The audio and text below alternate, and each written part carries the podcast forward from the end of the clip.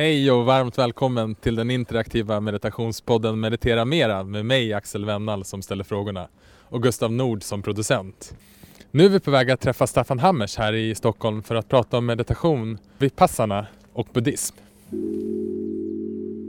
Staffan Hammers bor söder om Stockholm och är troligtvis en av dem i Sverige som har mediterat längst och allra mest. 1973 började han meditera då han gick en 10 dagars retreat hos meditationsmästaren Goenka i Indien. 1977 började Staffan med gruppsittningar i Stockholm som nio år senare blev den ideella föreningen Vipassana-gruppen. 1985 ordinerades han till buddhistmunk på Sri Lanka och levde sedan under 11 år i olika kloster där han ägnade tid åt meditation, studier och undervisning. 1996 återvände han till vardagslivet och har sedan dess lett Vipassana-gruppens meditationskvällar och helgretreater. Under hela den här perioden har han deltagit i olika tio dagars eller ännu längre retreater varje år. Så jag hoppas att vi kan få lära oss mer om meditation av Staffan idag och särskilt om tekniken Vipassana. Och jag är även nyfiken på buddhism. Men framförallt är jag nyfiken på vilka tips Staffan har till alla oss som vill meditera mera. Där Staffan? Ja, jag sitter här. Sitter jag jag brukar sitta, ja. Mikrofon också, den kan du ha i fickan. Kul att få eh, vara här och hälsa på dig i Drom Tumpas lokaler som ni gör in er här på i Vipassana-gruppen. Ja, men vad roligt att ni kunde komma och eh, att vi kan eh, få möjlighet att prata lite om Dhamma Mm. och Vipassana och mindfulness och allt vad vi kommer eventuellt att komma in på. Yes. Men innan vi börjar vårt samtal så tänkte jag att vi kunde ha en liten kort landningsmeditation. Ja, okej. Vi har ju mediterat här med dig hela förmiddagen men de som lyssnar på det här avsnittet kanske är på väg någonstans eller har precis kommit hem. Så det kan vara ett bra tillfälle att bara stanna upp och rikta sin uppmärksamhet hit. Och eh, jag tänkte att idag så skulle vi gö- göra det genom att bara rikta vår uppmärksamhet till vårt andetag. Så eh, oavsett vart du är, om du är på språng eller om du sitter någonstans så för bara din uppmärksamhet till ditt andetag och se om du kan känna förnimmelsen av ditt andetag. Det spelar ingen roll vart du gör det här utan se bara vart det är som tydligast för dig. Det kanske är vid näsborrarna, över bröstkorgen eller nere i buken. Och räkna sedan ditt andetag till 10. Så när du andas in så kan du räkna 1. Och när du andas ut så kan du räkna två. Och fortsätt sedan upp till tio. Så ta tio stycken medvetna andetag.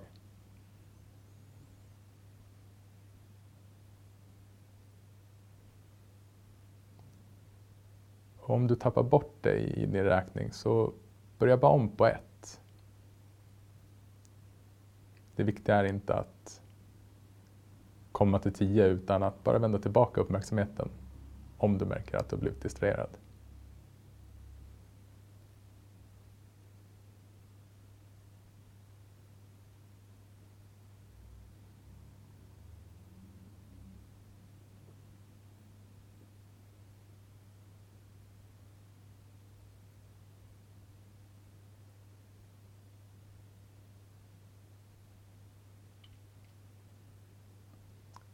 Så, hej Staffan. Hej igen. Hej igen. Ja, hej igen. Så, så kul att vi fick till det här samtalet. Vi har ju försökt eh, boka in en, en, eh, det här samtalet lite tag och nu är vi egentligen här. Mm. Roligt. Vi har träffats, det här var vår tredje gång idag. Jag har varit på två av dina meditationer som du leder på torsdagar här på Erstagatan Okej. i Vipassana-gruppen. Mm. Och idag så har vi också haft en lördags förmiddagsmeditation där vi har suttit ner och mediterat och vi har haft lite gående meditation. Och du har också haft ett föredrag och haft lite chanting som det heter. Mm. Där du sjunger lite buddhistiska suttas, heter det Ja, så? buddhistiska, eller buddhistiska verser kan man ju säga. Mm. Suttor är ju ordet, men vi säger buddhistiska verser. På svenska recitation kanske man ska säga. Chanting är ju det internationella ordet. Ja, Mm. chanting. Jag själv, säger själv chanting, men kanske inte alla som förstår. Recitation. Just det. Och eh, det känns eh, superkul att få samtala med dig idag och jag tror att du är nog den personen som jag träffat som har mediterat allra mest. Är det så pass att du till och med kanske har mediterat allra mest i Sverige? Jaha, jag ska väl säga ja på den första frågan kanske. Jag är den person som mediterat mest av de du har träffat. Det kan jag väl säga ja på. Den andra frågan om jag skulle ha mediterat mest i hela Sverige tycker jag låter som en eh, lite mer eh, populärvetenskaplig fråga. Inte kommer från så mycket visdom. För att jag skulle vilja säga att, ja precis, jo, allvarligt. Eh, det finns säkert många som meditera. Jag menar, nu talar vi om buddhismen, det kristendomen har man också meditation, kan man meditera mycket inom buddhismen. Alla religioner har någon form av meditation. Och sen också, vad är meditation? Även om jag har suttit och mediterat eh, på kloster i flera år, kriteriet för att meditera behöver ju inte vara att man kommer någon vart. Det kan ju vara så. Så du kan inte säga att utifrån att ha suttit och mediterat så har du verkligen mediterat.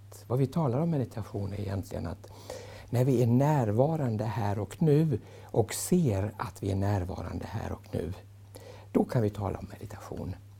Men ofta kan ju meditationen vara att man glider iväg, att man sitter där med tankarna far iväg och hit och dit och ingen kan gissa sig till vad man tänker ens. Och då kan det se ut som man mediterar, men man gör inte det. Så att jag vill ta ett sådant påstående att ha mediterat mycket med en nypa salt och klassificera det som mer populärvetenskapligt. Det re, det, man mäter överhuvudtaget inte hur mycket har du mediterat i buddhistiska sammanhang. Mm. För det är oväsentligt.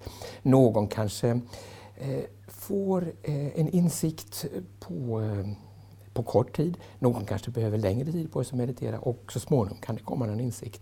Så det där är väldigt olika från person till person. Så att därför bara säger jag att vi kan akta oss för att använda den typen av tävling när det gäller meditation och Dhamma. Men, eh, men faktum kvarstår ju att du har suttit under väldigt lång tid och mediterat eh, både i, från eh, början på 70-talet tills, tills idag och eh, under den här perioden också mediterat väldigt mycket. Det stämmer. Eh, oh ja. när, när började du meditera? Ja, jag reste ner till Indien. Alltså, nu, talar, nu är det jättelånga perspektiv för många som lyssnar på det här. De kanske inte ens var födda på den tiden som ni själva. Eh, detta var då eh, alltså det, det fullständigt eh, ska vi säga, arkeologiska årtalet i ert fall då, som 1972. Då reste jag i Indien.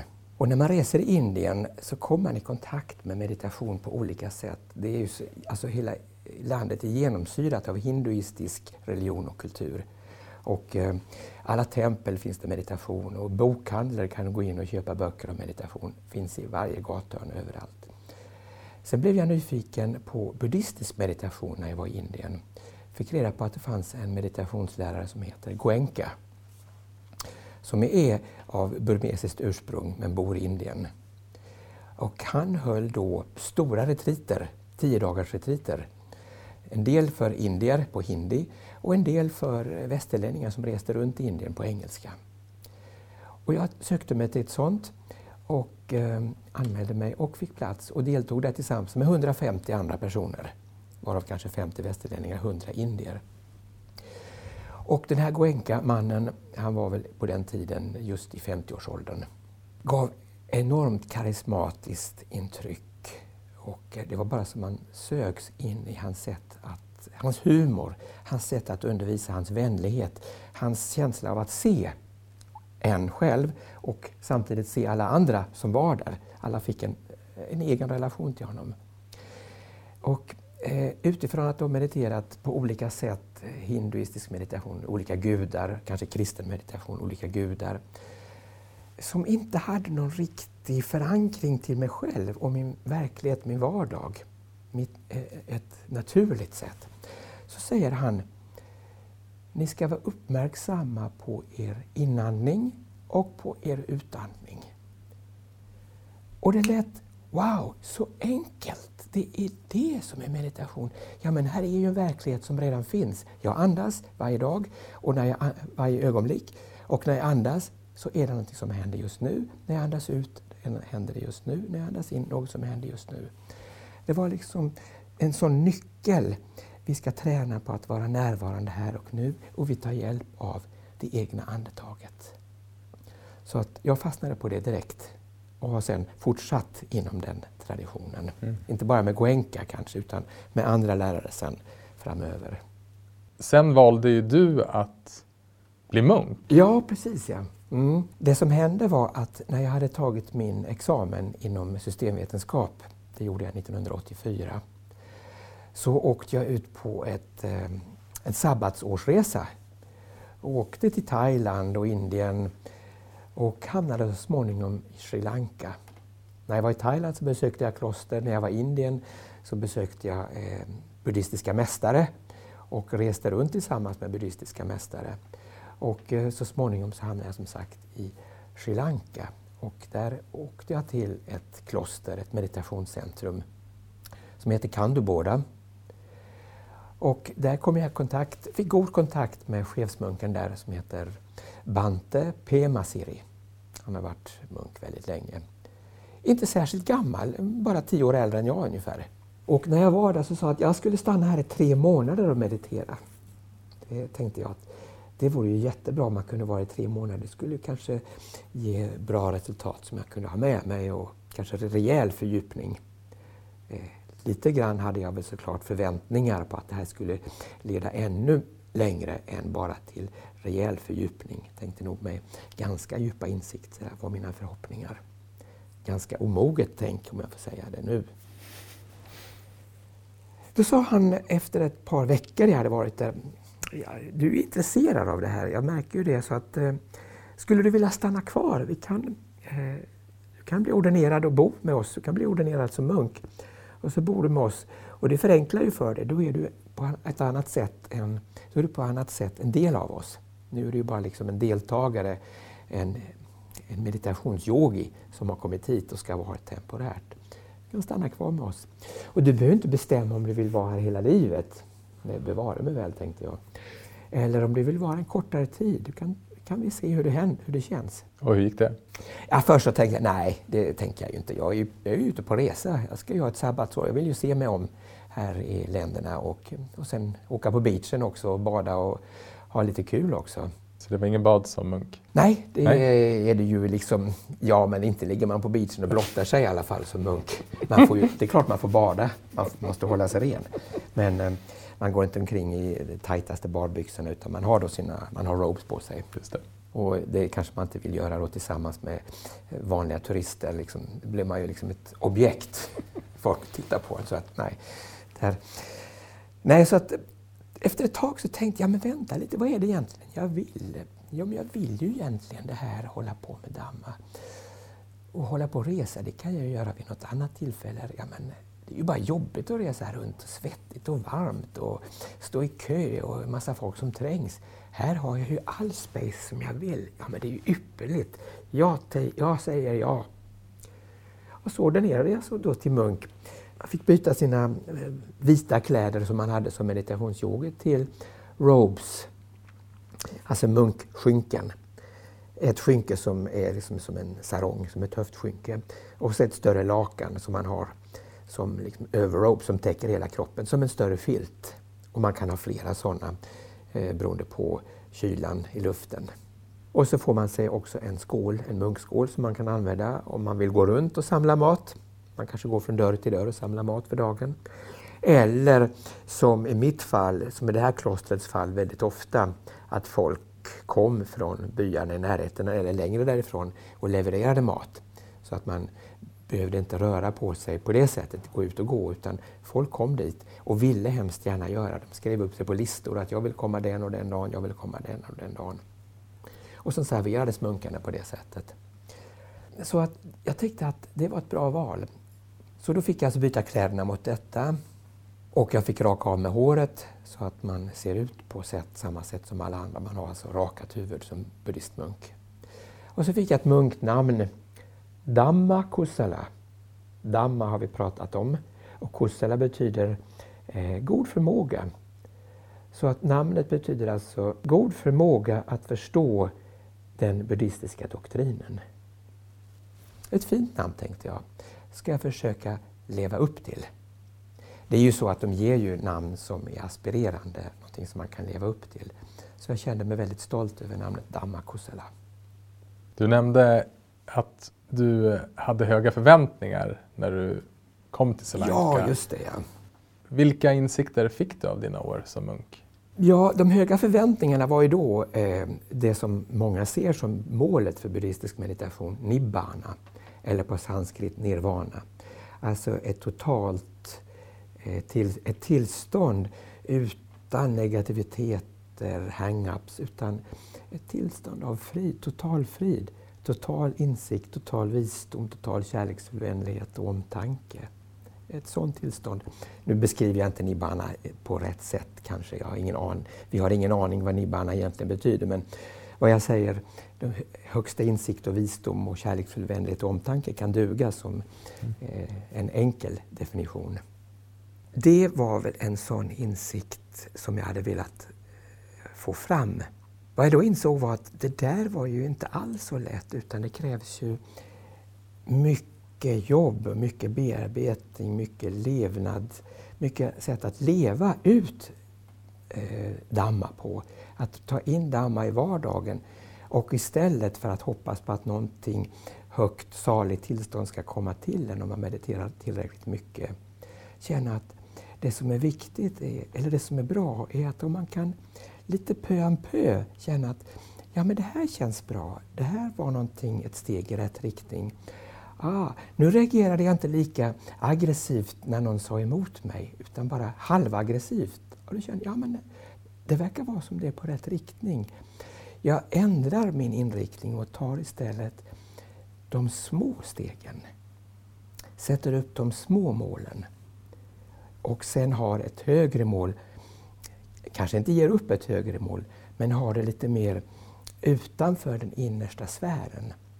Så att ett, ett tillräckligt bra mål är att bli en bättre person. Sen kan man ha ett högre mål som nibbana, upplysning, i en yttre sfär som också finns med. Men att man ändå jobbar från rimliga förutsättningar. Och det skulle jag säga att det är en visdom som jag har fått med mig. En insikt som jag har fått med mig, som jag då har stor nytta av. För att det är ju en mognad. Det andra är ju inte moget att säga att jag åker ner och praktiserar och sen och får erfar jag nibbarna, Sen åker jag hem och kommer hem liksom fullt av nibbarna. Det är ju det är omoget att tänka så. Liksom, det är inte verklighet. Utan vi tar det pö om pö istället och blir en bättre person och förbättrar det och så småningom kanske kan aspirera på högre andliga tillstånd. Är det möjligt att bli fullt upplyst? Ja, ja, oh ja. Det är ju det som är... Jag kan, jag kan ta lite, jag kan ha en ut, utvidgning om det. Eh, när vi blir buddhister så deklarerar vi vårt förtroende för Buddha, Dhamma och Sangha. Buddha har vi pratat om, Dhamma har vi pratat om. Sangha, det är de som praktiserar Buddhas Dhamma. En definition på Sangha. En definition på Sangha som ligger vid sidan om, som vi också kan ha med, är upplysta munkar och nunnor, lekmän och lekkvinnor. Det visar att det var inte bara Buddha som kunde bli upplyst, utan även andra medlemmar i Buddhas eh, order eller lekmän och lekkvinnor som praktiserar Buddhas Dhamma kunde också bli upplysta. Så vi tar vår tillflykt till, vi tar vår, deklarerar vårt förtroende för Sangha. Då förstår vi att det var inte bara en person som kunde ha upplysning, Buddhan, utan de som praktiserar enlighet med hans instruktioner kan också bli det. Du, du, du, du, vi alla som praktiserar kan ha det som ett eh, högsta mål. Men ändå som jag sa, se till att ha rimliga delmål. Är det fortfarande ditt högsta mål eller har du nått dit? Nej, nej, nej. Eh, jag har ett sånt, jag har väl det som ett mål. Eh, men jag jobbar mer på mina delmål. Att bli en bättre person, alltså en rimlig aspiration. Och sen så får det bygga på varandra. Och om det leder till total insikt och visdom så är jag helt öppen för det. Mm. För de som inte känner till Dhamma, kan inte du berätta lite kort vad, vad det, det måste innebär? vi såklart göra, kära åhörare. Mm. Dhamma är Buddhas lära. Buddha kallar inte det för buddhismen. Det har vi gjort i vår kultur, vi kallar Buddhas lära för buddhismen. Eh, några är kanske mer bekanta med ordet dharma. Det är ett R där istället för RM istället för MM. D-H-A-R-M-A. D-H-A-M-M-A. Det är bara olika språk. Dharma i sanskrit, Dhamma i pali. Så det är helt okej okay att säga dharma eller dhamma. Jag har valt att säga dhamma.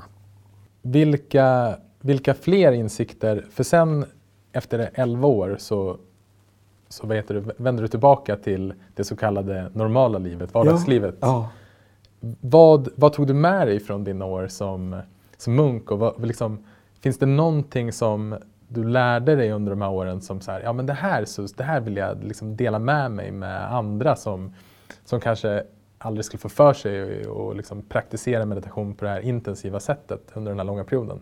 Ja, det som är viktigt och som jag, och som jag poängterar, jag har ju undervisning nu, eh, är att försök vara närvarande här och nu. Var närvarande i det som händer när det händer. Det gör att vi då kan dels känna, man kan, känna, man kan lära känna sig själv, att vara, att vara närvarande i det som händer när det händer.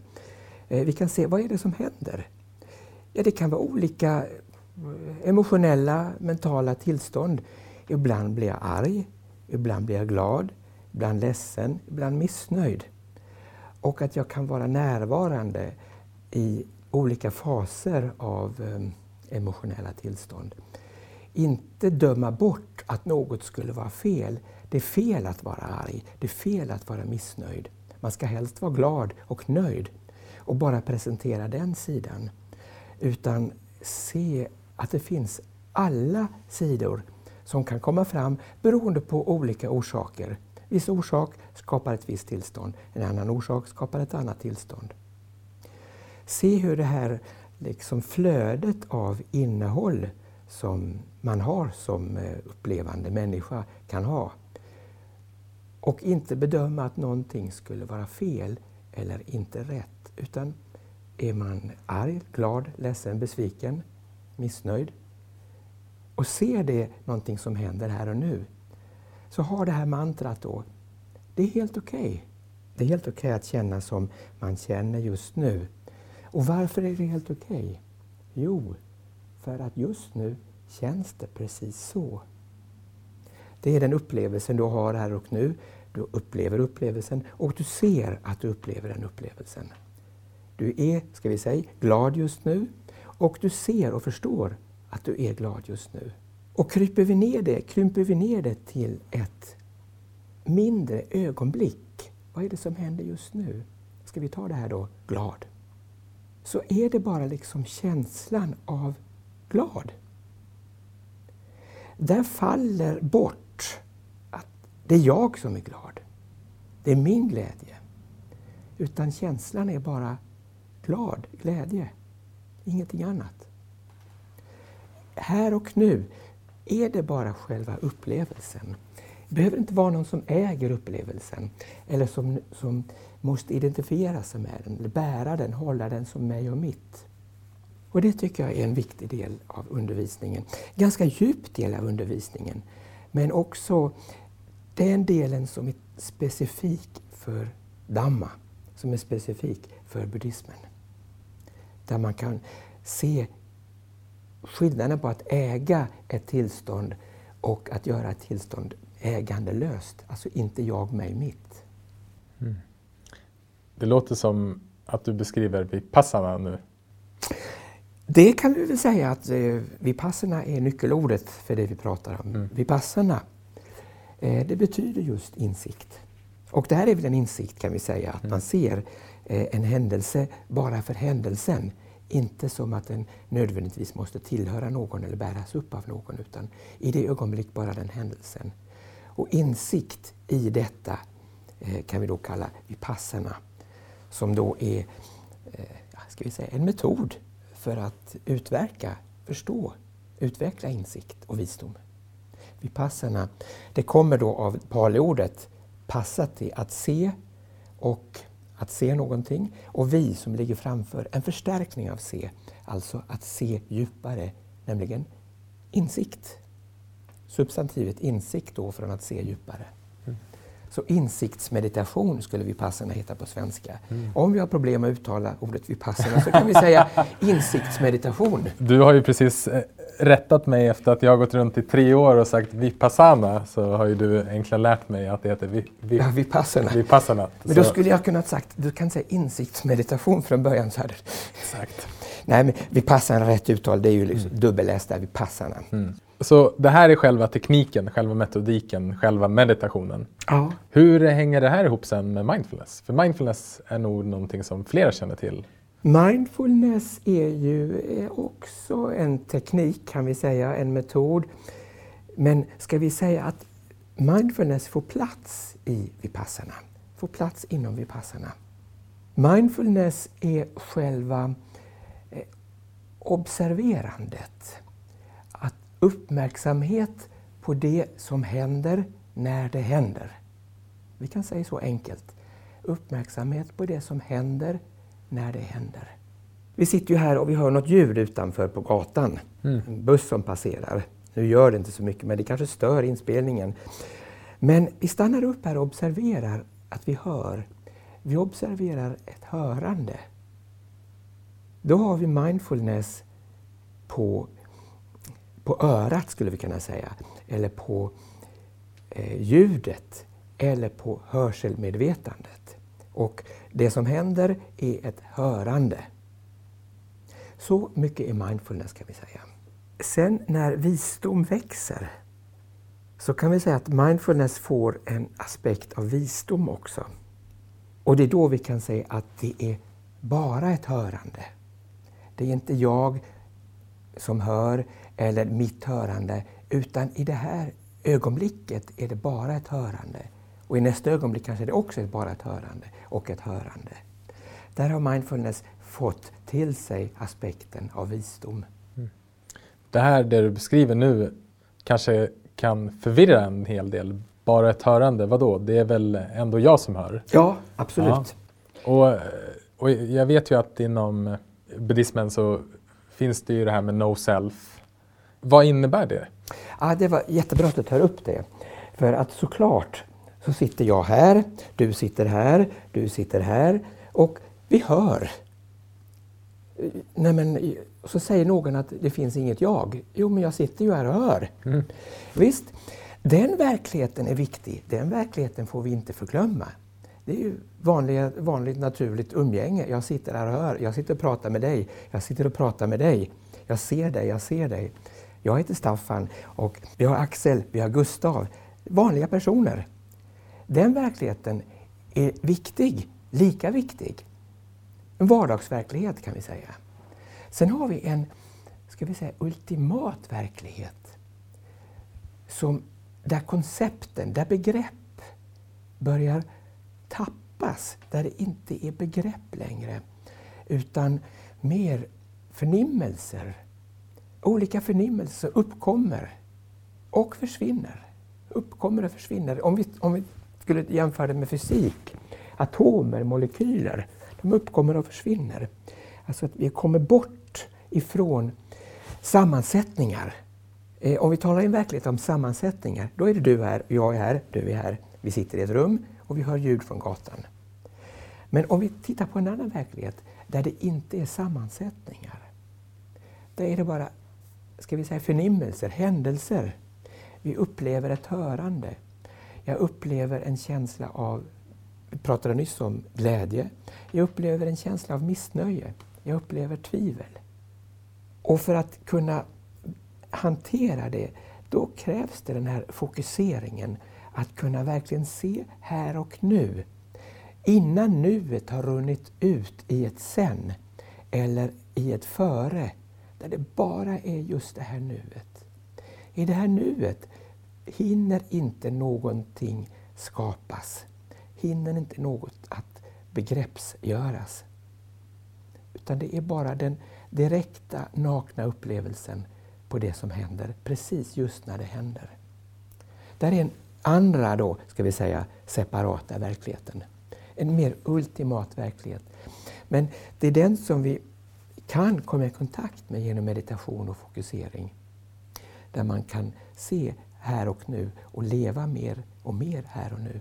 Och bara inte låta det rinna över i, ska vi säga, i reaktioner. Mm. Jag, ska, jag, kan fortsätta på ge ett tydligare, förtydligande exempel. Vi har hörandet. När jag tar till mig hörandet och känner att det är så, det är så fruktansvärt mycket oväsen här runt omkring, de stör. De borde förstå att vi sitter här och mediterar. Då har det här hörandet re, redan givit en reaktion. Och det som händer just nu, det är en reaktion. Men jag har identifierat mig med hörandet och jag har identifierat mig med reaktionen och gjort hörandet till mitt, gjort reaktionen till min. Och det är så jag lever i min vardagsverklighet. Vi upplever saker, vi gör dem till mina och reagerar på dem och gör reaktionen också till min. I den andra verkligheten som vi pratar om, där det bara är ett hörande här och nu.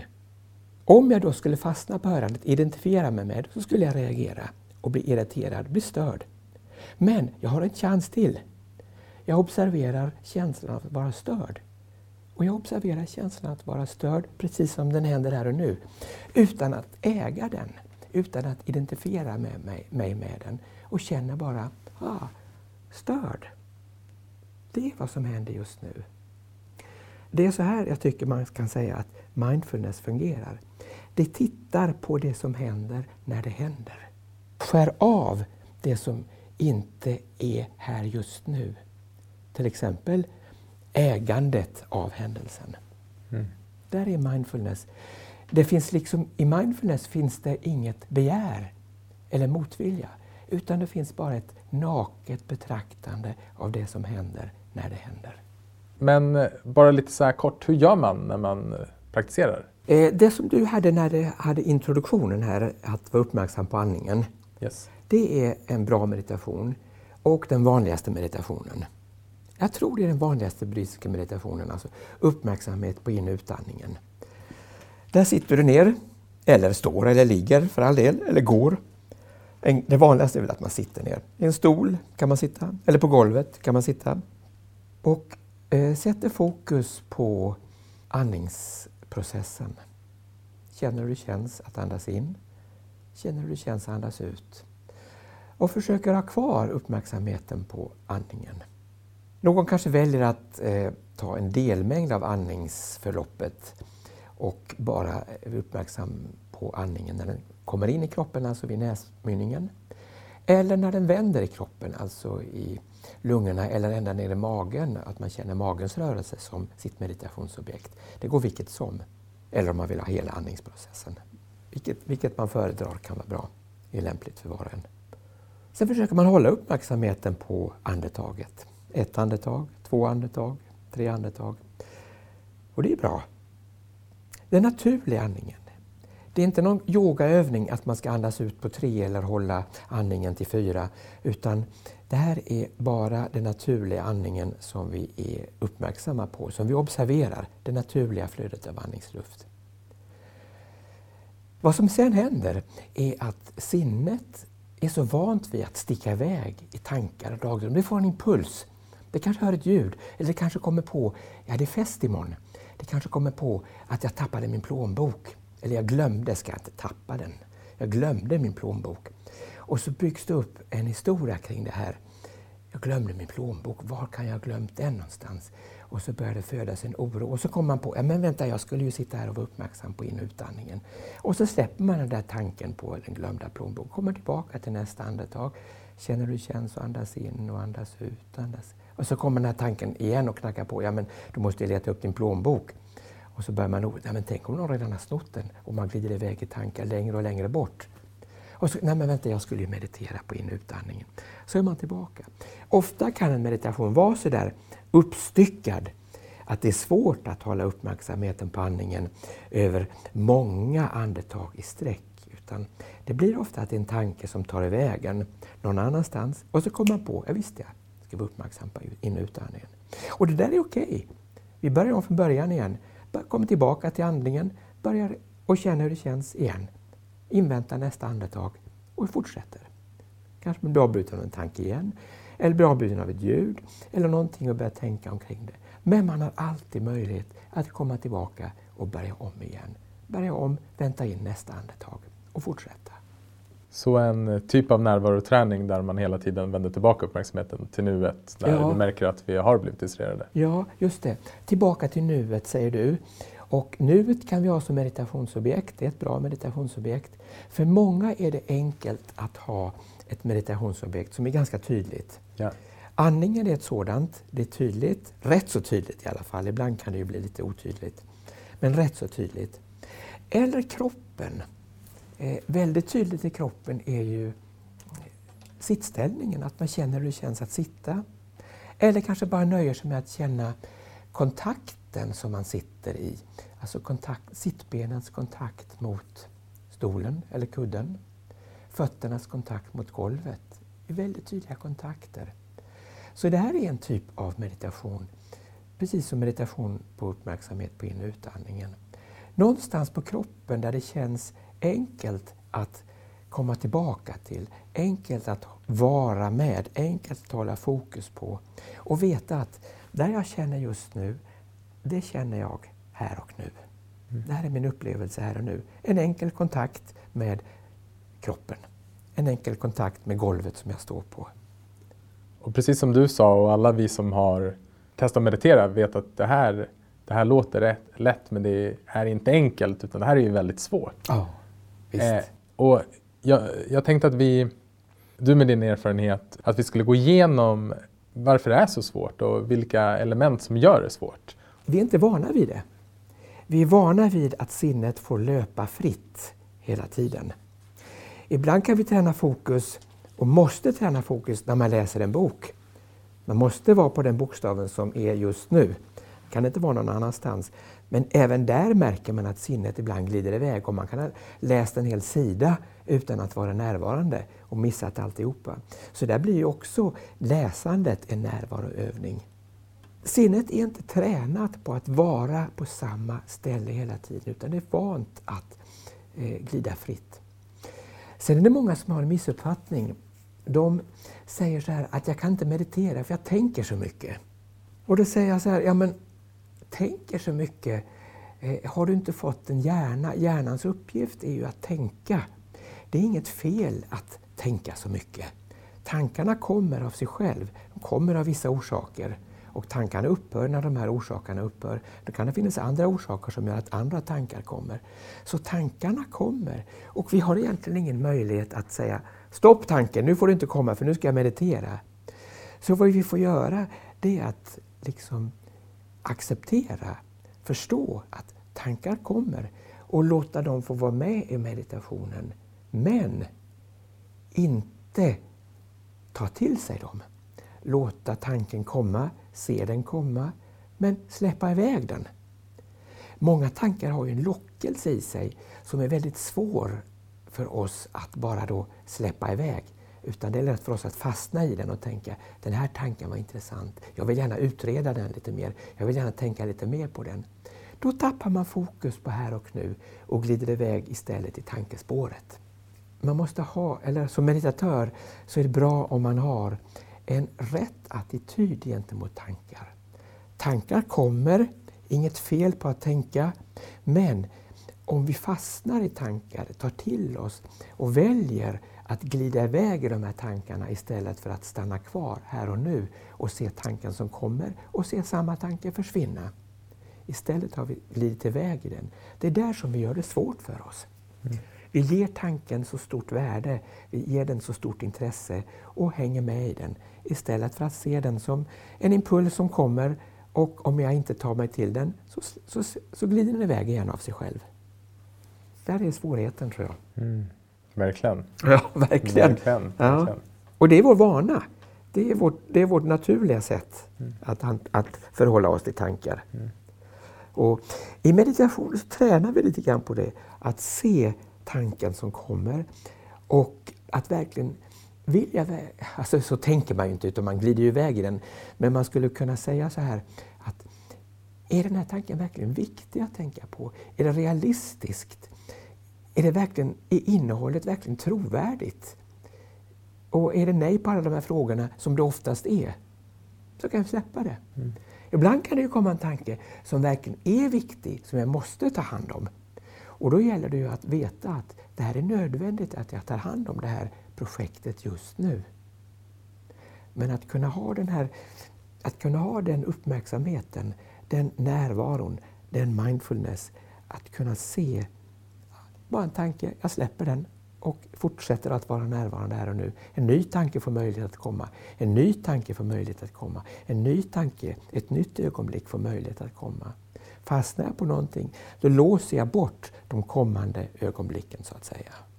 Och det är väl precis det vi övar oss på när vi mediterar, att vi har intentionen att det finns ingen tanke som är värd att följa just under den här meditationen. Ja, det kan vi säga att det är. Ja. Det är ingen tanke som är värd att tänka. Ja, ja så kanske, jo, men så, så, vi kan nog säga att det är så. Ja. Mm. Eh, det svåra är när man ändå lurar sig att Nej, men den här tanken, den är ändå viktig att tänka på. Den ska jag i varje fall tänka på. Mm. Ja. Nej, men det händer ju. Det händer ju. Såklart. Det händer ju hela tiden. Men, men intentionen ja, intentionen kan vara bra att komma ihåg. Så är också det som gör att vi kan släppa den och komma tillbaka till andetaget hela tiden. Ja, just det. Ja. Det är bra. Det, det var bra. Vi har det beslutet, den intentionen, att Precis. se det som så. Mm. När jag satt och mediterade hemma själv över jul och nyårshelgen så märkte jag att mitt, eh, min uppmärksamhet fladdrade hela tiden. Jag hade enormt många tankar på, som, som löd, gör jag rätt? Jag kunde inte fokusera på eh, ja, min uppmärksamhet fladdrade mellan, eh, mellan liksom mitt andetag och skulle jag upp en uppmärksamhet och sådär. Under samma period så läste jag i en bok om de fem hindren. Mm. Och då googlade jag också på de fem hindren och då hittade jag en text som du har skrivit som ligger ute på er hemsida på sanga.nu om de fem hindren. Mm. Och den var väldigt användbar för mig. I synnerhet med det tvivlet som då är, är ett av de här fem hindren. Skulle inte du kunna berätta om de fem hindren? Jo, vi tar det, ja, för att det är ju eh, det är en av kärndoktrinerna i Buddhas lära. Och jag tror det är bra att alla förstår att meditation det är inte så lätt. Och här har vi exempel på svårigheter, just de fem hindren. Och därför har Buddha kallat dem de fem hindren, för att de är tydliga svårigheter.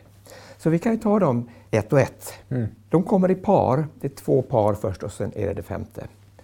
Det första och det andra då, begär och motvilja. För meditatören då, så är det ju något begär att man vill ha ut någonting av meditationen. Det har vi pratat om tidigare. Man Som vill... en typ av förväntan? Ja, då, förväntan, just ja. det. Mm. Man har förväntan på eh, snabba resultat till exempel. Ett sådant begär efter snabba resultat. Eller att man i meditationen tycker att det händer inte så mycket. Så sinnet med, omedvetet söker sig efter de här tankespåren. För de är åtminstone någon liten händelse, någonting som händer. Men de är ju trots allt oproduktiva och ganska värdelösa som tankespår. Men ändå så har vi någon form av begär efter det.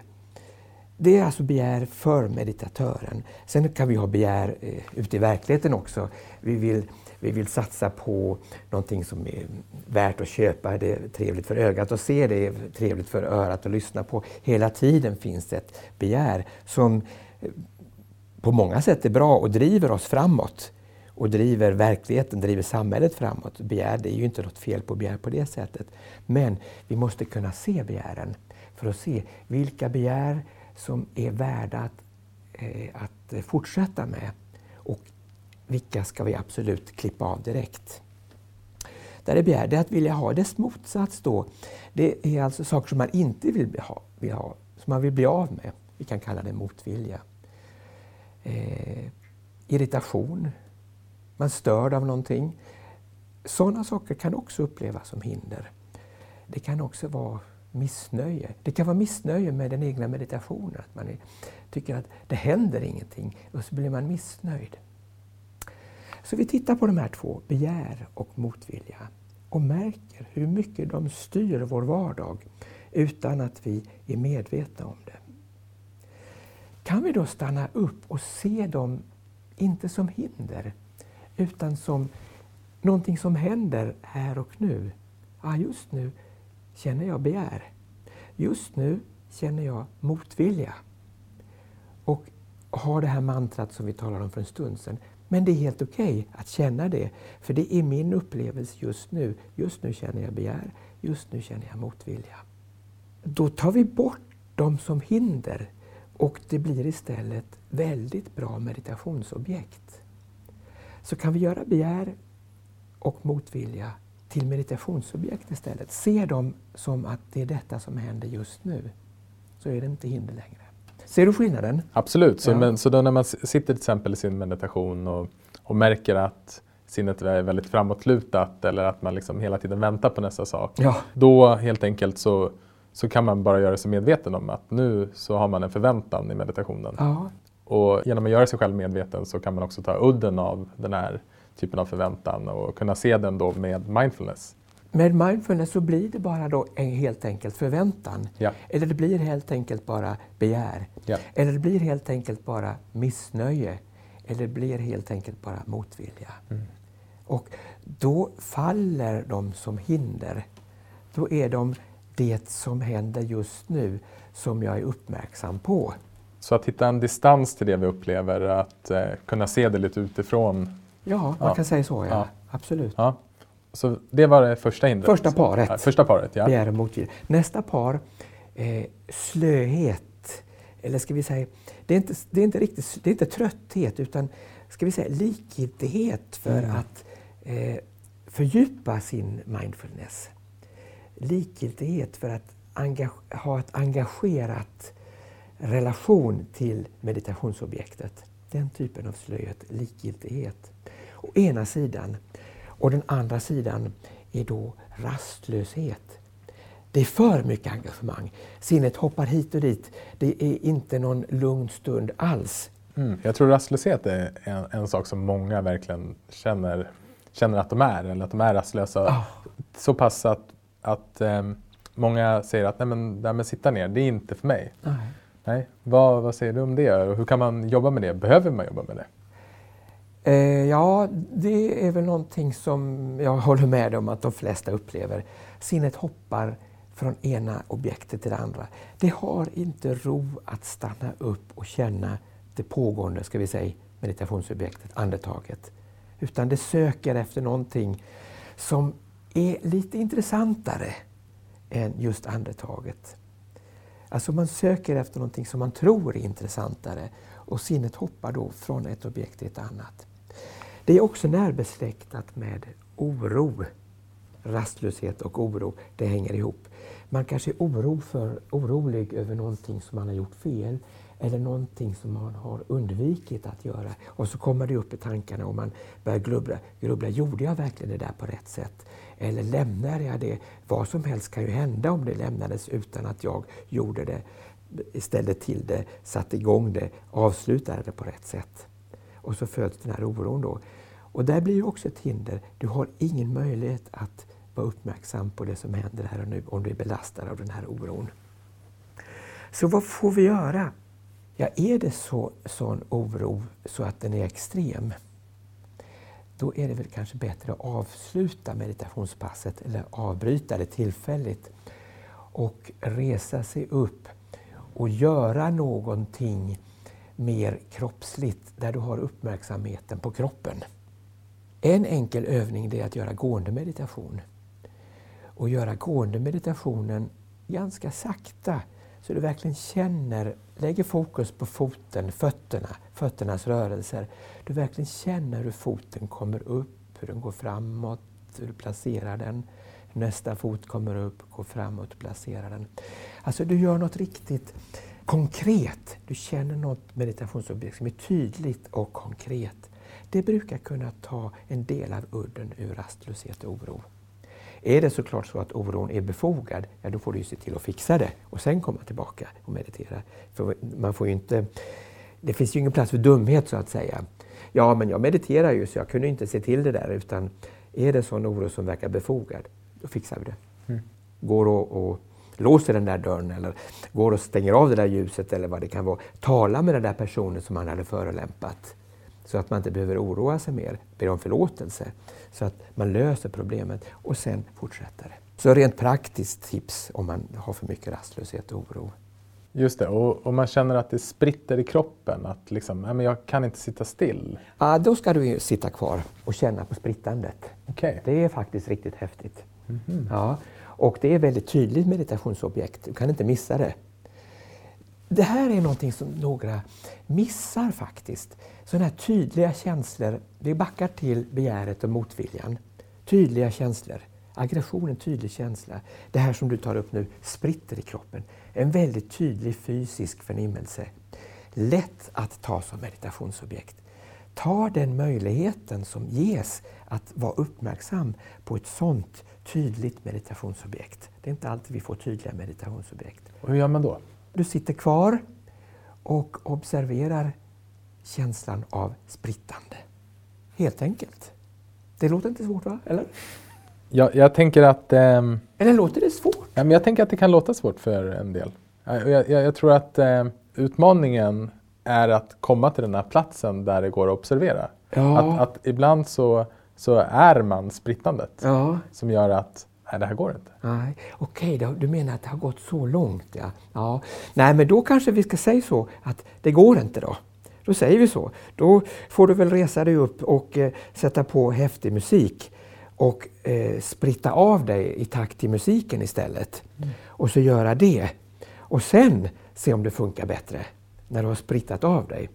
Det är samma man säger med barn, de har spring i benen. Du kan ju inte säga till en, barn, en pojke på fem år, sitt nu här och meditera. Och han, mamman säger att han har alltid så mycket spring i benen, men jag har kommit med honom till klostret för att han ska lugna ner sig. Då säger jag, nej men det hjälper inte. Han har så mycket spring i benen, han kan inte komma till klostret och lugna ner sig. Han måste springa av sig det här springet i benen. Och då gör man det först. Och sen, senare samma dag, eller fem år senare, så kommer han tillbaka och har inte samma spring i benen. Så gör någonting åt det där. Det behöver inte vara att man sitter och känner om man inte har den där vad sa, plattformen, att man kan se det. Då kan man göra någonting åt det. Men man kan göra någonting åt det medvetet. Man sätter på den där häftiga musiken medvetet och man sprittar av sig och är närvarande i avsprittandet. Då blir det ju precis på samma sätt som man hade suttit kvar i meditationspositionen och observerat sprittningarna. Bara det att man gör det på ett annat sätt. Så har du medveten i det här avsprittande dansen till den häftiga musiken och verkligen kan vara närvarande i det. Fine! Samma sak i en annan position. Kör det! Får mig att tänka på eh, meditationsformen shaking som, som vi har fått testat med några av de andra vi har intervjuat. Ja, just det. Ja, det Ja, det finns ju andra rörelser som har meditation just Mm. på dans eller hoppande eller rörelse och sådana saker. Mm. Shaking som du säger. Oh ja. Eh, jag tror att de kan vara eh, som förberedande. Och i, det, i, det, i slutändan så är det fokusering på det som händer här och nu. Uppmärksamhet på det som händer när det händer. I slutändan är det det. Och se med visdomen att eh, vi upplever någonting och det finns en uppmärksamhet, en medvetenhet på det vi upplever. Men som förberedande för att komma till någorlunda plats, till någorlunda ro, någorlunda balans. Fine, olika typer av rörelsemeditationer. Mer häftiga eller mindre häftiga. Funkar jättebra. Men som förberedande. Och sen har vi det sista hindret, det hindret som jag själv upplevde. Ja, du, vi, vi hade det här paret, va? rastlöshet klev in på tröttheten. Ja, just det, vi har kvar tröttheten. Ja, som Ja. är det här par med rastlöshet och trötthet. Just det. Vad Eh. gör man exakt? Vad gör man när man blir trött? Ja, du, det där är hopplöst faktiskt. Man är trött och vill helst bara lägga sig och säga att vi har ett meditationspass på, som är en liten stund. Och så har det bara gått en liten av den här lilla stunden, bara kort, och man känner sig redan trött. Oj, oj, oj, jag vill bara lägga mig fullständigt. Och man känner att det är en likgiltighet för det här. Nej, då, det, då, då är det väldigt tråkigt om man ger upp där och, och liksom bara låter sig somna in och falla bort i en gröt. Det är faktiskt bättre att göra någonting av det. Och jag tänker att det bästa är väl, om det är sittande meditation, att man reser på sig, på sig och gör stående meditation en stund. Det är mycket lättare att hålla sig vaken när man står än när man sitter. Så då står du istället. Du kan göra samma sak, vara uppmärksam på det som händer när det händer. Eller uppmärksam på kroppen, kanske uppmärksam på kontakten mot golvet, fotsularnas kontakt mot golvet. Eller på kroppen, om kroppen är stilla eller de vaggar något. Uppmärksamhet på det som händer. Det där brukar hjälpa faktiskt att eh, ställa sig upp en stund. Och om du inte vill gå så långt som att du ställer dig, kan prova med att öppna ögonen och titta på någonting som ljust. Få in lite ljus i systemet. Kan också funka. Ställa sig upp är det bästa tycker jag. Mm. Ja, jag har också upplevt det, framförallt när jag var på retreat så märkte jag att de stunderna när ja, men sinnet blev väldigt slött och trött. Så Ja. liksom, att ställa sig upp var den mest effektiva meditationen då. Du gjorde det då? Ja. Ja. Vad bra. Ja. Eh, vad tror du att det är för trötthet som kommer igen? Varför blir man trött helt plötsligt? Man var ju inte trött innan man satte sig ner. Varför blir man helt plötsligt trött? Vilken jävla otur! ja, det, jag, tänker att det jag själv har upplevt att det finns olika typer av trötthet.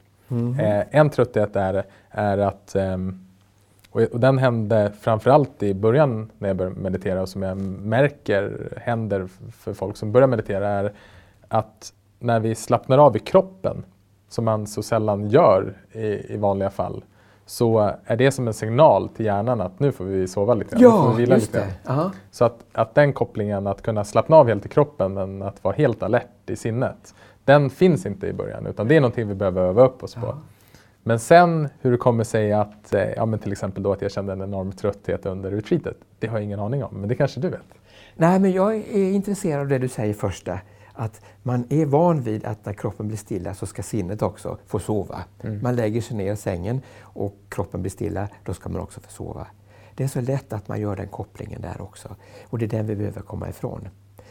Sen är det ju att vi är ju väldigt engagerade människor hela tiden.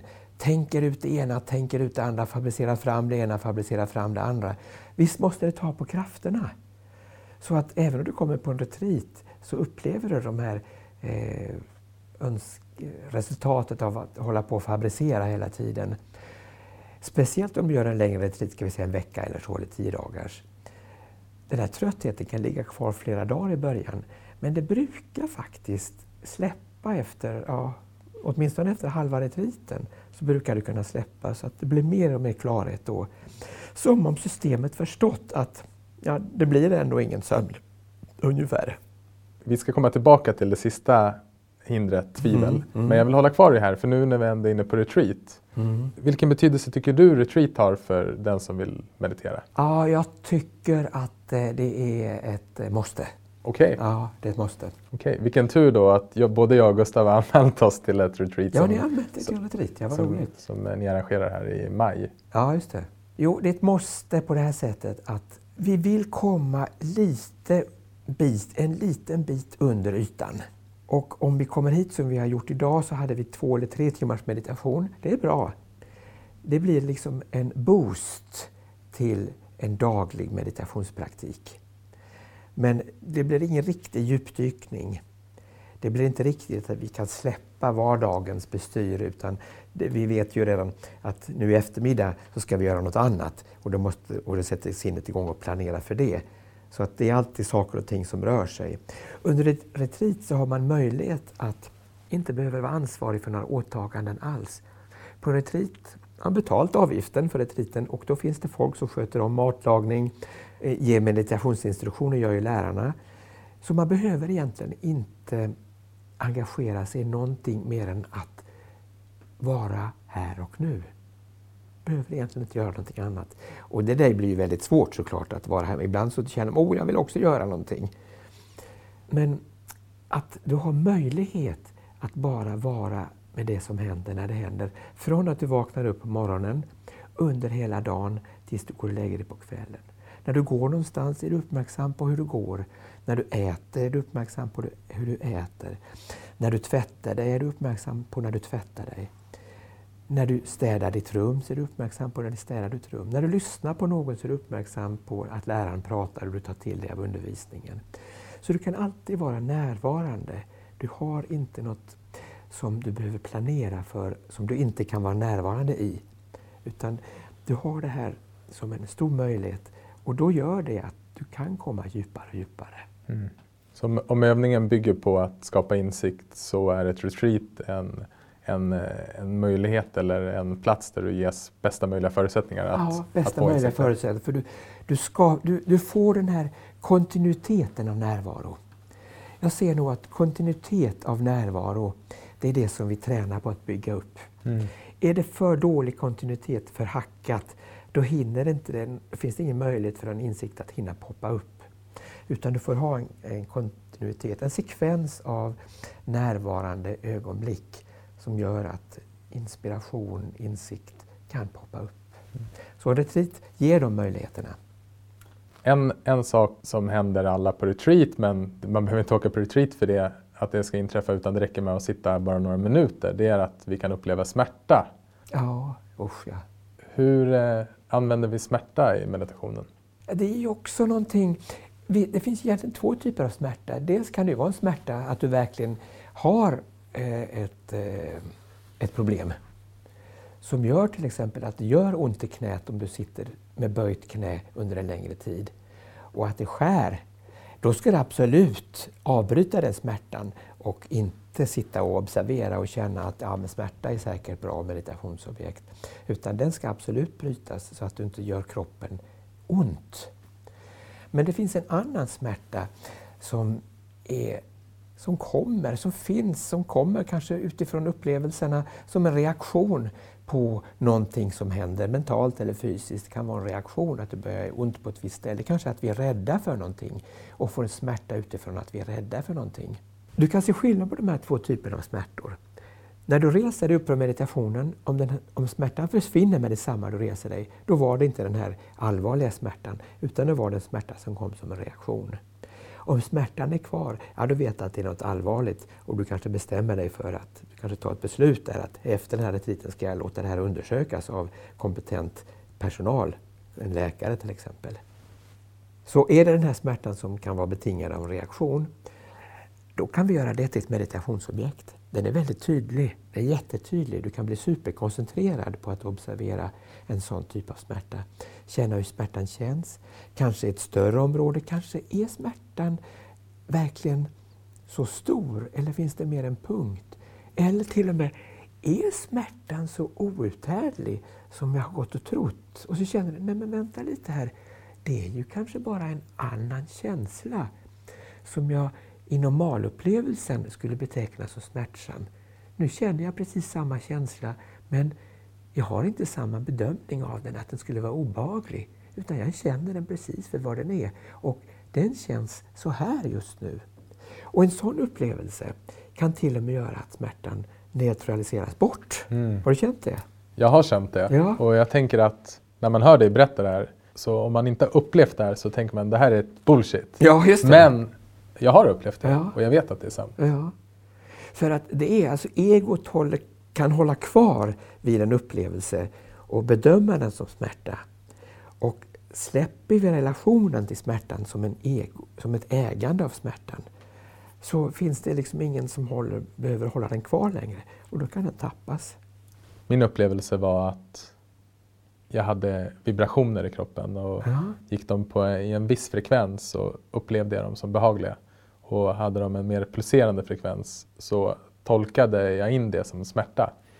Men, Aha. men jag kunde komma ner till den nivån att jag kunde se de olika, alltså att smärtan löstes upp utan det var bara olika frekvenser då till exempel i höften. Vad intressant. Det var min upplevelse Ja. av det då i alla fall när den, den Ja. löstes upp för min del. Och du såg det här hur det hände. Absolut. Ja, vad häftigt. Absolut. Ja, det, var, det var nog en av de... Det var en insikt. Ja, det var en insikt, en ja. djup livsinsikt. Ja. Jag tror att eh, en del som åker på sådana här retriter kan få den typen av insikt. Att smärtan helt plötsligt upplöstes. Fantastiskt. Mm. Det var det. Ja, det var det. Men man glömmer bort det snabbt. Jaha, ja okej. ja, nä, nästa Ja. gång man sitter med, smärta så gör det lika ont ändå. Aj, aj, aj, aj. Ja. Och där är ju faran ja, att man har förväntning att nu ska det ju hända det som hände förra gången. Exakt. Och då kommer det definitivt inte att hända som det gjorde förra gången. Då är man helt upplåst i förväntningar. Och förväntningar har vi ju lärt oss är någonting som verkligen håller fast vid någonting. Mm. Låser det, konsoliderar det. Och det leder mig inte helt osökt tillbaka på det då jag upplevde här i julen gör med mina tvivel. Men det jag märkte var bara att bara av att förstå att tvivel är någonting som händer i meditationen. Att tvivel är en... Det händer oss alla att vi, vi tvivlar när vi mediterar. Mm. Och bara kunna sätta ett, en liten etikett på det. Ah, tvivel.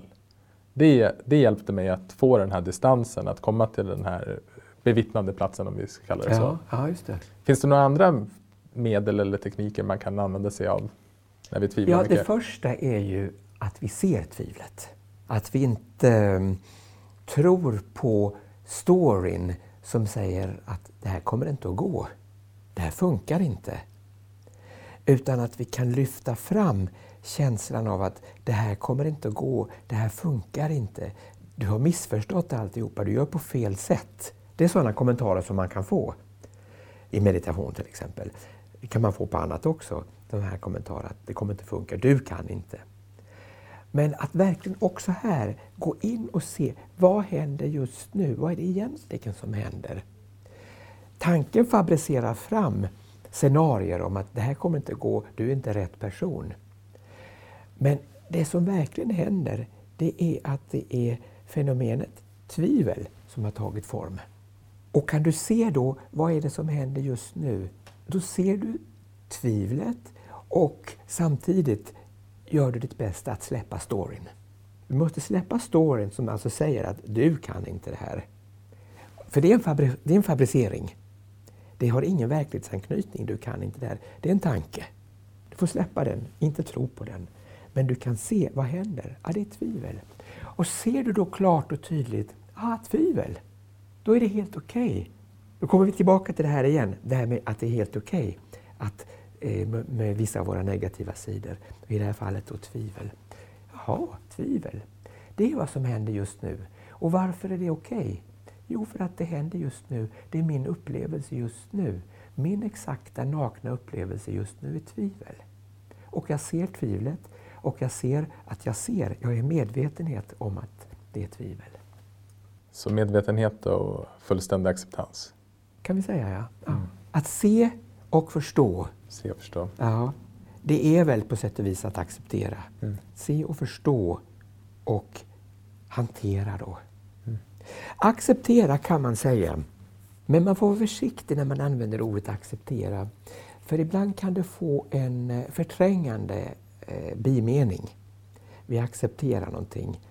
Det kan vara en lite för ödmjuk inställning, en för mesig inställning, att man resignerar.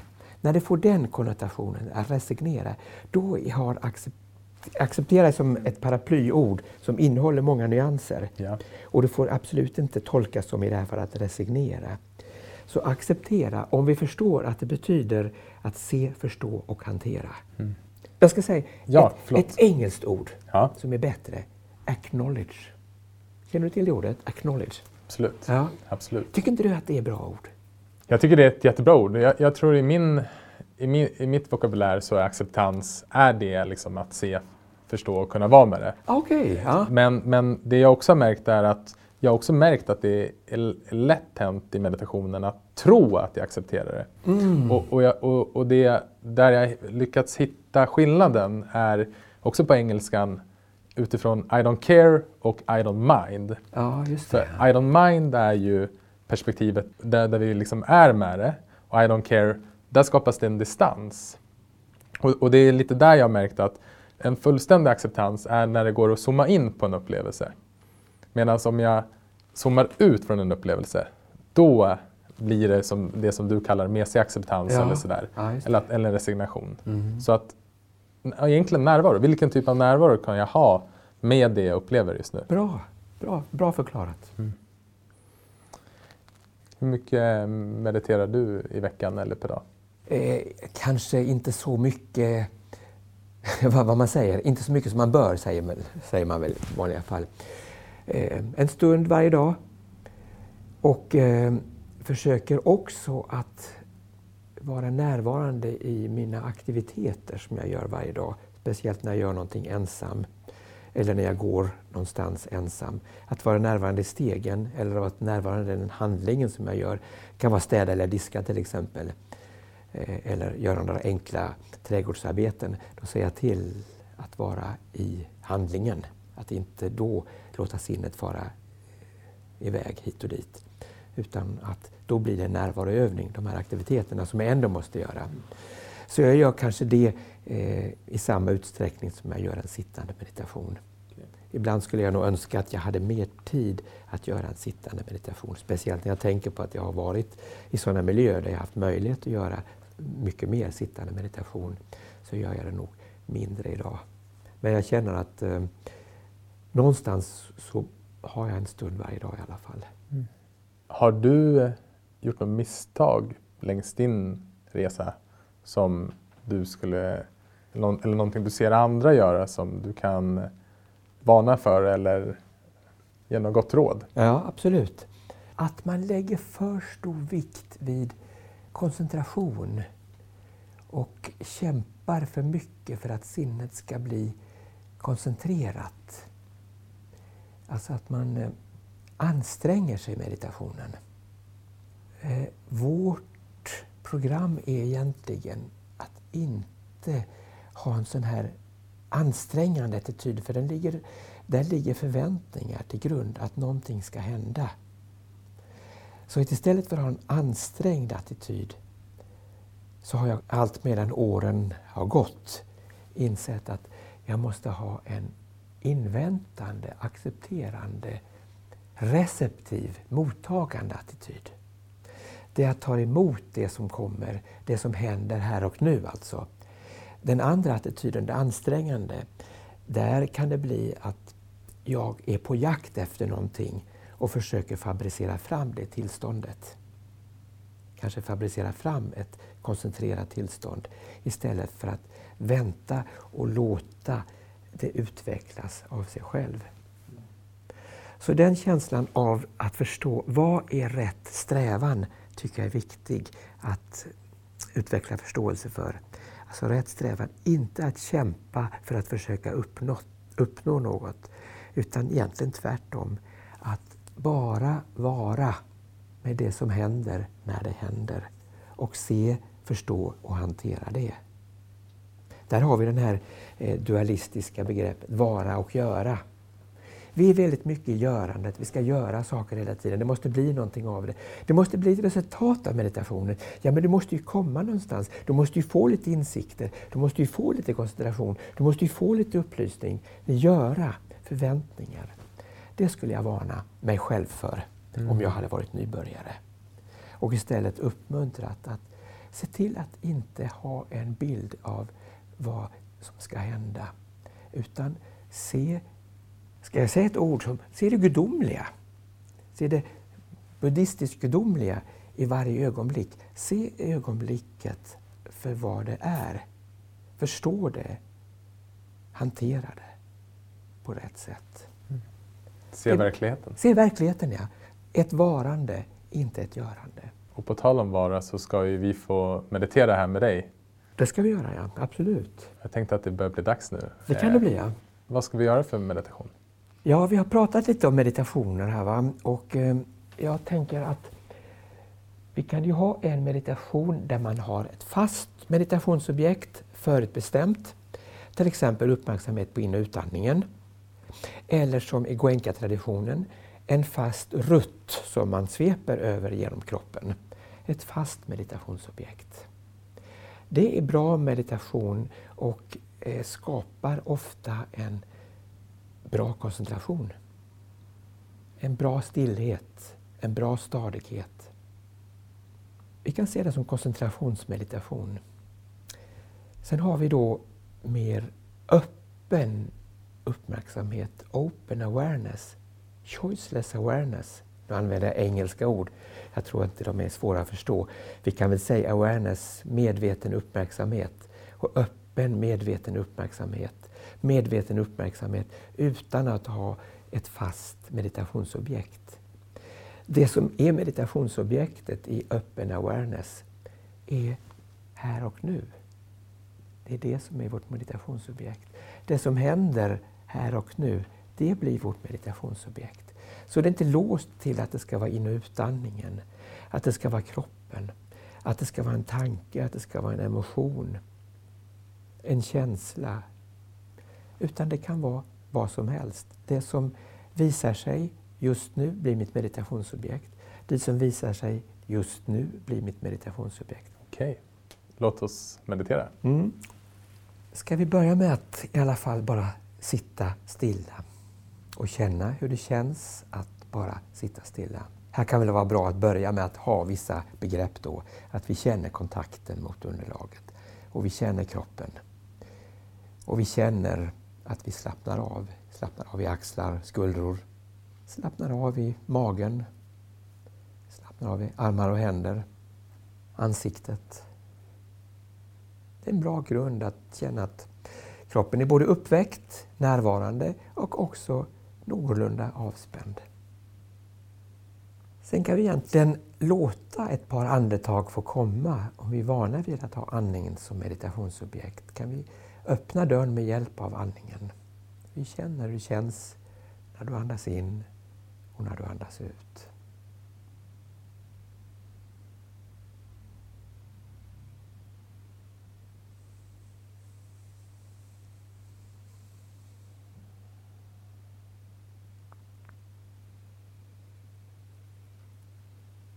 Och du kan känna andningen, hela andningsflödet om du vill, eller andningen som det känns vid näsan. Eller andningen som den känns i magen. Eller i bröstet om du är van vid det. Och ibland kan det bli så att man inte känner ett andetag. Kanske en inandning eller kanske en utandning. Eller kanske ingen alls. Men vi låter uppmärksamheten vara kvar i alla fall. Och känner efter. Har jag någon form av bestämd uppfattning av hur andningen ska kännas så gör jag mitt bästa för att släppa den uppfattningen och gör mig helt öppen för nästa andetag. Alltså jag tar den här attityden som vi pratade om. Mottagande, receptiv attityd, där jag väntar in. Och då kan jag även känna andetag på subtilare nivåer.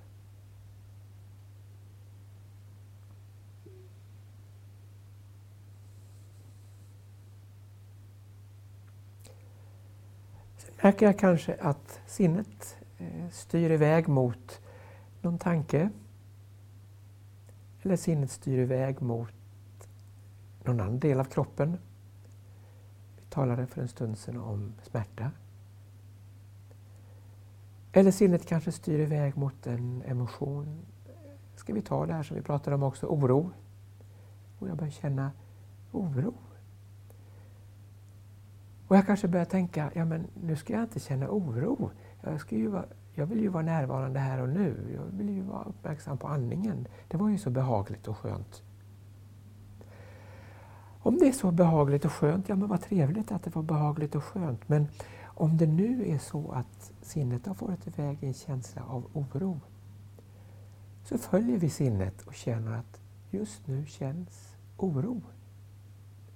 Då blir vi uppmärksamma på det känner oro.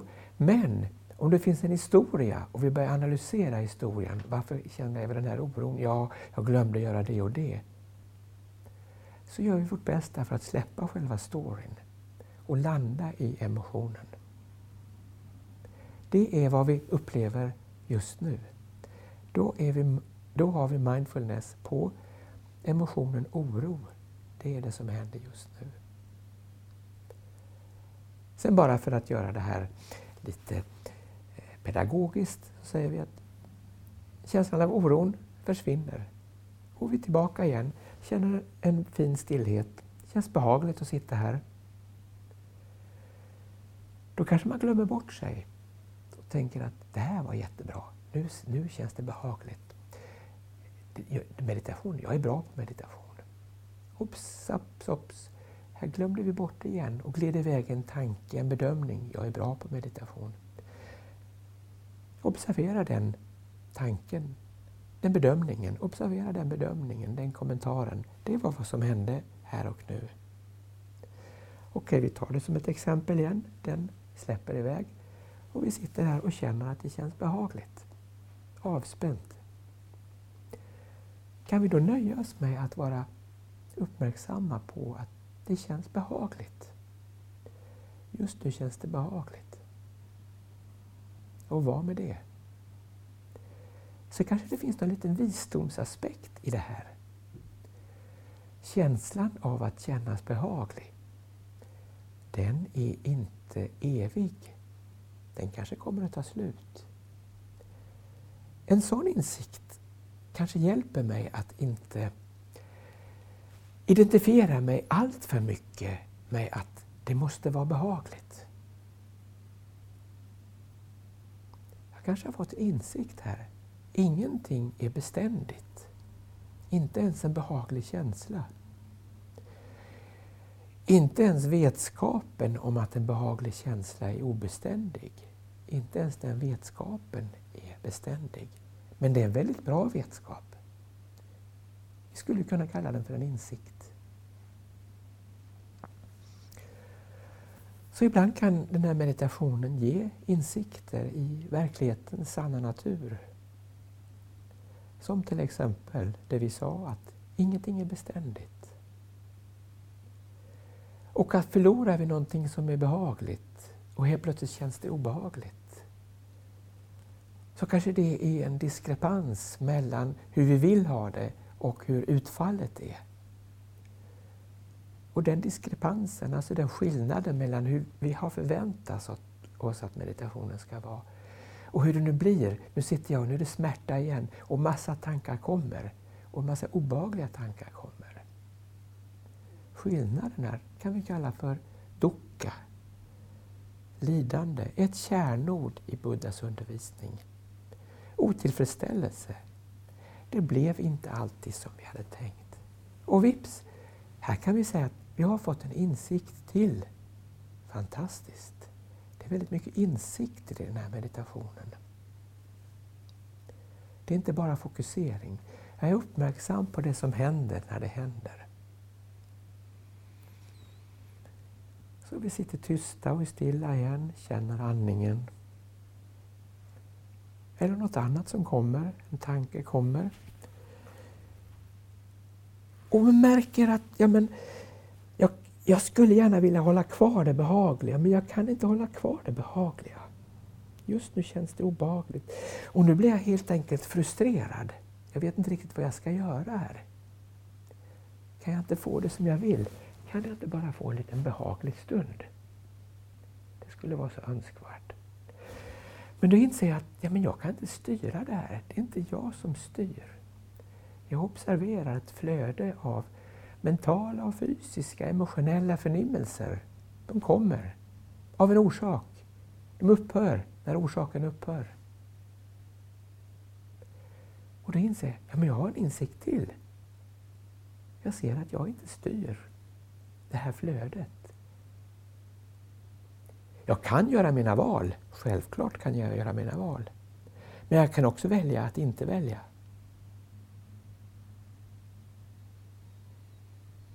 Jag kan se det som en insikt. Mentala fysiska förnimmelser kommer när de kommer på grund av en orsak av, och avtar när orsaken upphör. Hur pass mycket blir jag identifierad med det här flödet? Hur pass mycket gör jag det till mitt? Hur pass mycket är de här emotionerna mina? Hur pass mycket är det jag som styr? Kan jag få en insikt i det? Är det jag som styr? Är de här emotionerna, är de här tankarna, känslorna, är det jag som äger dem? Eller är det jag som upplever dem när de kommer? Är det jag som håller fast dem och identifierar mig med dem? Eller är det jag som släpper dem när de har kommit? Vi kan säga att det också är grunden till en insikt svaret på det, grunden till en insikt. Så vi kommer tillbaka och bara känner hur det känns att sitta i en open awareness, choiceless awareness. Vi väljer inte meditationsobjekt.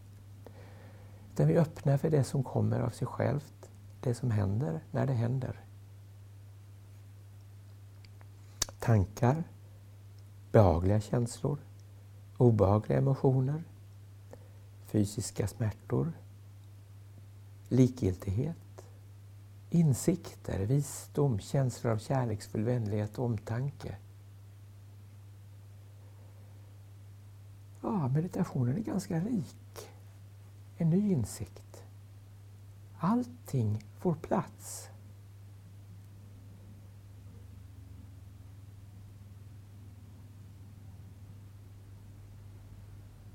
Allting som jag upplever får plats.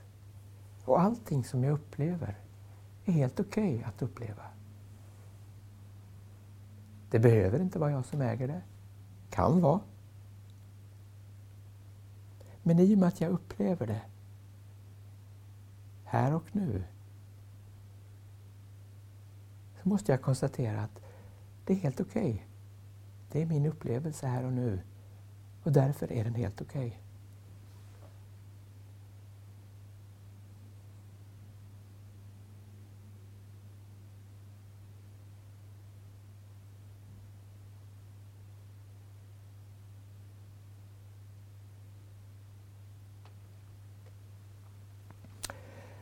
Jag brukar ofta avrunda meditationen med att eh, lägga på ett bra förhållningssätt till mig själv och till alla andra varelser.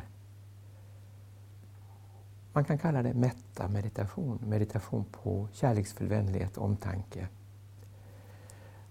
Och då brukar jag säga så här, skapa en bra attityd för mig själv i mitt förhållande till mig själv och andra. Må jag må bra. Må alla mina nära och kära, familj, släkt, vänner, arbetskamrater, alla andra och alla varelser överhuvudtaget också må bra.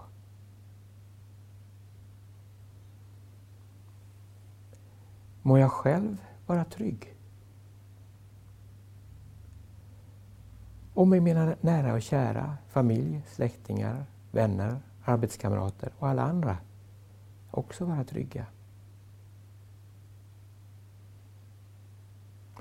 Må jag själv ha frid i sinnet. Må alla mina nära och kära, familj, släkt, vänner, arbetskamrater och alla andra också ha frid i sinnet.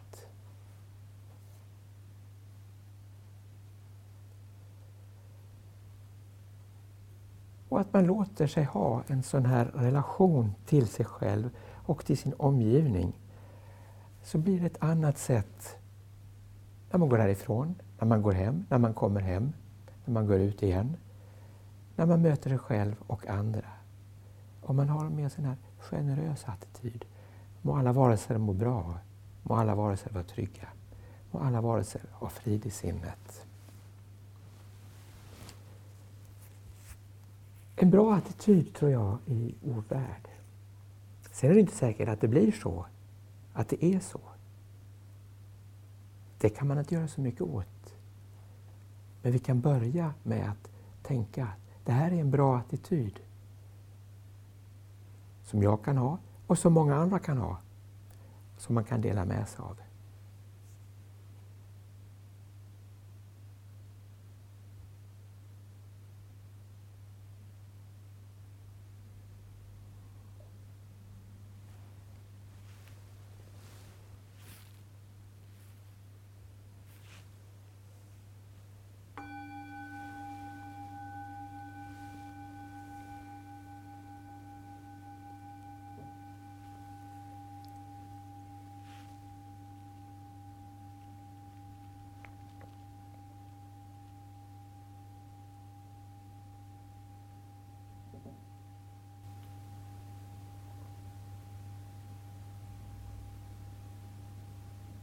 Tack. Ja, det var ett bra slut med den här klockan.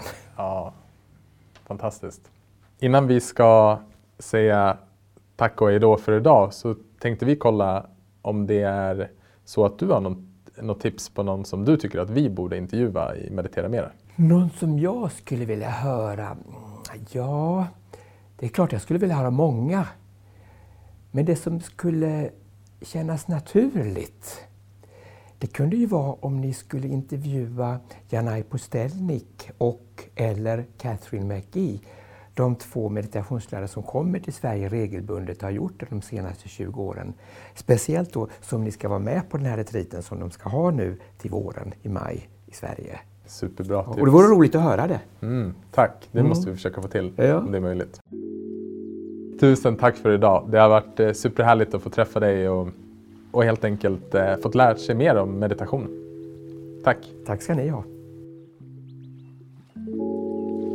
Tack för att du har lyssnat på det här avsnittet av Meditera Mera.